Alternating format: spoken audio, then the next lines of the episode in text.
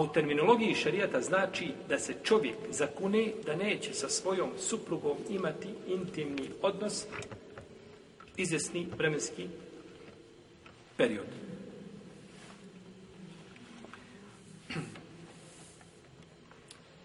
Osnova za ovaj postupak su riječi stvoritelja Tabara Kevotala لِلَّذِينَ يُؤْنُونَ مِنْ نِسَائِهِمْ تَرَبُّسُ أَرْبَعَةِ أَشْهُرٍ فَإِنْ فَاءُوا فَإِنَّ اللَّهَ غَفُورٌ رَحِيمٌ وَإِنْ عَزَمُوا الطَّلَاقَ فَإِنَّ اللَّهَ Samiju nami. Onima koji se zakunu da se neće svojim suprugama približavati, sačekat će četiri mjeseca.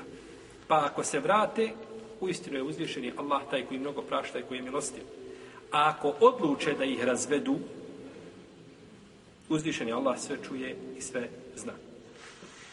Ovaj ajd govori o čemu? O ilahu. Lilladine ju lune el ila juknune koji se zakunu da neće imati sa svojim ženama, znači intimni odnos.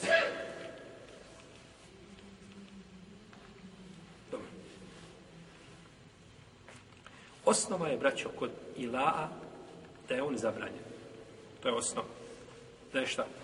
Zabranjen. Jer je to, znači, uznemiravanje žene, supruge i nanošenje štete A na kraju može i rezultirati razvodom braka. Može lahko rezultirati čime? Razvodom braka.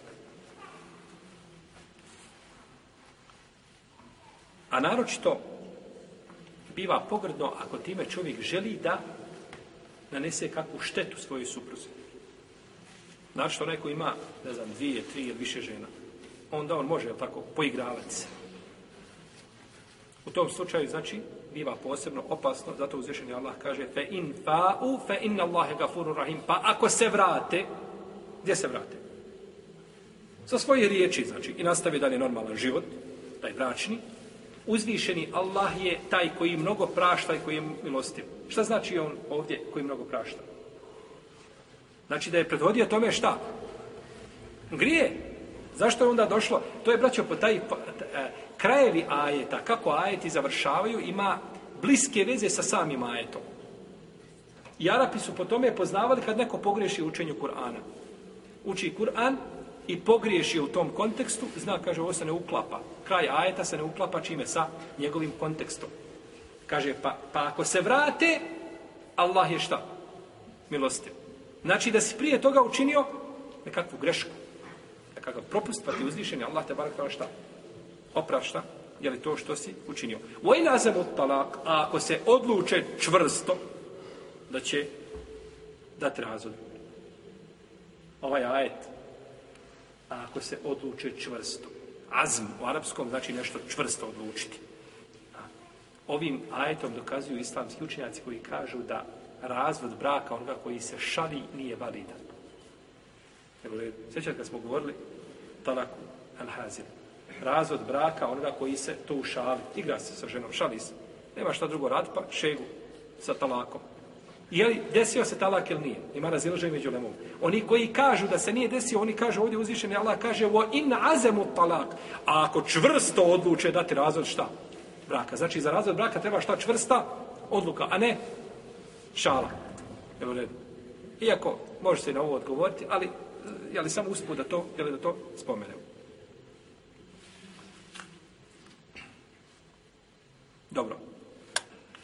Ako čovjek a, želi ovim pak da a, svoju ženu ukori, nećemo kazati da je prevaspita, možda je grub izraz, onda neće biti, znači ovaj, a, neće biti šta? Ila neće biti zabranjen. Jer ponekad, jeli, supruge, znači, a, zahtijevaju, njehovo ponašanje zahtijeva takvu stvar. Je tako? Zahtijeva da se čovjek od nje odvoji. Je tako? kako kaže uzvišenje Allah tebara kutala, vahđuru hunne bil madađe. Wallati te hafune mušuze hunne, fa'idhu hunne. Vahđuru hunne fil madađe, vadribu hunne. Tri stepena. Prvi je savjet, vaz, lijepa riječ. Drugi je da se okreneš, up, da izbjegneš u postelje. Okreneš se na drugu stranu. U krevetu istom, okreneš se na drugu stranu. To znači automatski šta? Inegiranje čega? Intimnog kontakta, je li tako? Pa je to šarijetski dozvoljeno, ako naravno ako je u pitanju šta? Da, si, da se prevaspita osoba. Dobro. Imamo hadis kod Buharije, pa kod muslima i kod Nesaje, Trinizije i drugih, da je poslanik, ali sam jedne prilike se odvojio od svojih supruga mjesec dana. Odvojio se. Imao je posebno jednu sobicu koja je bila uzdignuta i odvojio se mjesec dana, potom je sišao, rekao mjesec dana se odvojiti, potom je sišao 29. dan. Kada je napunio 29 dana. Pa su mu kazali, lavo poslaniče, rekao se da ćeš se šehr odvojiti, mjesec odvojiti. Kaže, mjesec ima 29 dana. I tako, mjesec ima, je 29 ili 30 jel dana. A imao je tada, imao je, iščešao je nogu, sklop. Poslanik, sallallahu, alaihi wasallam. Ali, ova vrsta odvajanja nije sigurno zabranjena vrsta, to definitivno, to je nemoguće da poslanik sa tako nešto učini. Iako se ulema razilazi zbog čega je Allahov poslanik sallallahu sallam odvojio se svojih supruga. Ha. Pa imamo verzije za različite povode, zašto je?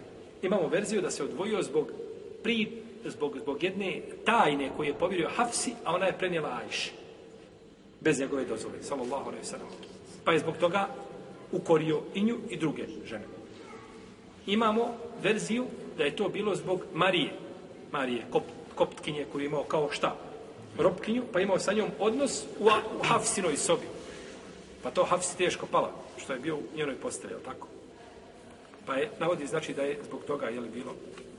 Imamo i razlog da je da su žene poslanika, znači sam puno tražile od njega, pitale ga puno, prunjanočke stvari, nefaka, izdržavanje i tako dalje, a on to, znači sam nije bio u stanju. Pa je, znači, ovaj, odvojio se od njih. Kaže Ibn Hajar, komentar ovoga hadisa, kaže jednu lijepu stvar. Postoji mogućnost da je poslanik sa odvojio se od njih zbog svega ovoga. Jer kaže njegovoj potpunosti njegovog hlaka odgovara da ih trpi. Da ih trpi znači i kada pođu ponavljati te stvari da da znači da ih osudi. Jel'o ne? Pa nije prvi put to uradio, nego je šta? čekao, znači, da se nakupi ti razloga, pa je onda zbog toga se odvojio, da bi time, znači, ukazao na šta na, na grešku ili propust koje su činili. I za sve ovo postoje vjerodostane predaje. Naša da prvi i za, i, i za treći ovaj, prvi za treći razlog. Postoje vjerodostane predaje u sunetu poslanika, sallallahu sallam.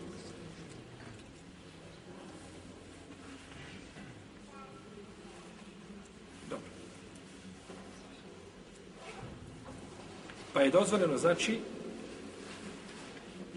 a ukoriti suprugu na ovakav način, ako je od onih koje su neposlušne i koje su nepokorne, onda je dozvoljeno, znači, odvojiti se od nje na način kako je spomenuto.